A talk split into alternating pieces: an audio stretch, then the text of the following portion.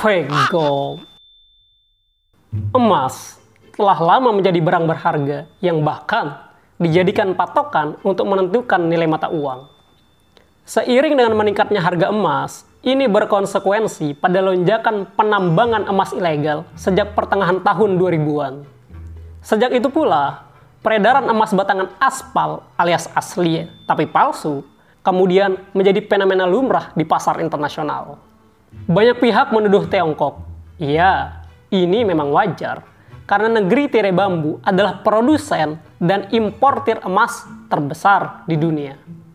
Namun, terdapat desas-desus yang menyebutkan Amerika lah yang menjadi aktor di balik emas-emas aspal yang beredar.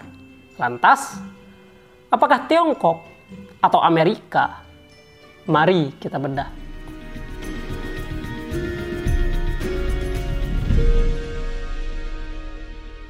Perhatian, konten ini berisi teori-teori konspirasi yang belum bisa dibuktikan kebenarannya. Ada sedikit rahasia yang membuat harga emas begitu mahal. Ini bukan hanya karena emas memang langka, tetapi untuk menjualnya perlu ada cap dari kilang emas bergengsi. Masalahnya, jika cap itu tidak didapat, emas yang ditambang terpaksa dijual ke pasar gelap atau dijual dengan harga miring alias diskon. Nah, ini membuat emas aspal banyak beredar. Ternyata banyak pihak di luar sana yang memalsukan cap emas untuk mendorong kenaikan harganya. Jadi, yang dipalsukan adalah lisensinya. Tetapi, ada juga emas yang betul-betul palsu karena dibuat menggunakan tungsten. Sampai saat ini, memang menjadi misteri siapa sebenarnya produsen emas aspal dunia. Kecurigaan kemudian mengkerucut kepada Tiongkok. Ini memang tidak terlepas dari status Tiongkok sebagai produsen dan importer emas terbesar di dunia. Nah, jika begitu, bukankah mudah bagi Tiongkok untuk memproduksi emas aspal? Karena ia merupakan pusat produksi. Konteksnya menjadi semakin pelik karena besarnya emas Tiongkok disebut dapat menyaingi pengaruh dolar Amerika di aktivitas ekonomi global. Seperti yang kita tahu, sejak sistem Bretton Woods, dolar Amerika telah menancapkan dalam-dalam kukunya ke sistem keuangan global. Tidak hanya itu, Tiongkok bahkan adalah pemberi utang luar negeri terbesar di dunia. Amerika sendiri bahkan berutang 1,1 triliun US dollar kepada Tiongkok. Ini tentunya sinyal yang buruk bagi negeri Paman Sam. Nah, di sini narasinya menjadi menarik. Dengan tradisi sebagai penguasa dunia, tentu tidak mungkin bagi Amerika untuk membiarkan emas Tiongkok menyaingi pengaruh dolar mereka. Kasarnya, dengan melepas isu Tiongkok sebagai produsen emas aspal, bukankah itu dapat meredam bahaya tersebut?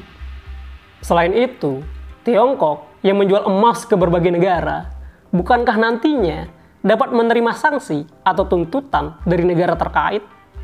Menariknya, selain diduga memfitnah Tiongkok menjual emas palsu, terdapat desas-desus yang menyebutkan kalau Amerika sendirilah yang menjual emas aspal ini. Pada Oktober 2001, praktik culas ini disebut terbongkar ketika Amerika yang kala itu mengirim 5.700 emas batangan ke Tiongkok sebagai pembayaran utang, ternyata diketahui palsu.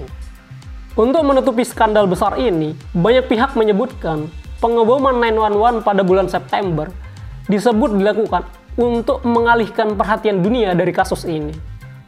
Tentu harus dipertanyakan, kenapa harus gedung World Trade Center atau WTC yang diserang? Kalau saya misalkan menjadi teroris, gedung putih, Pentagon, atau gedung pita lainnya yang pasti saya serang. Singkat kata, untuk apa menargetkan WTC yang tidak begitu signifikan secara politik?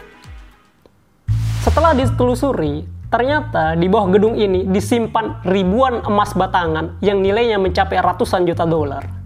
Nah, bukankah bisa saja WTC diserang agar pengecekan atas emas-emas tersebut tidak dilakukan? Dengan terbongkarnya kasus pada bulan Oktober, ini tentunya membuat Tiongkok mendorong dunia untuk menyelidiki emas Amerika, bukan? Lebih menariknya lagi, Beredar banyak teori konspirasi yang menyebutkan 911 diatur untuk melakukan perampokan emas terbesar dalam sejarah. Kebetulankah? Atau didesain? Entahlah. Terima kasih telah mendengarkan konspirasi kali ini. Jika kalian suka, bisa kunjungi pula website pinterpolitik.com untuk mendapatkan info-info seputar politik yang ada di Indonesia. Take care.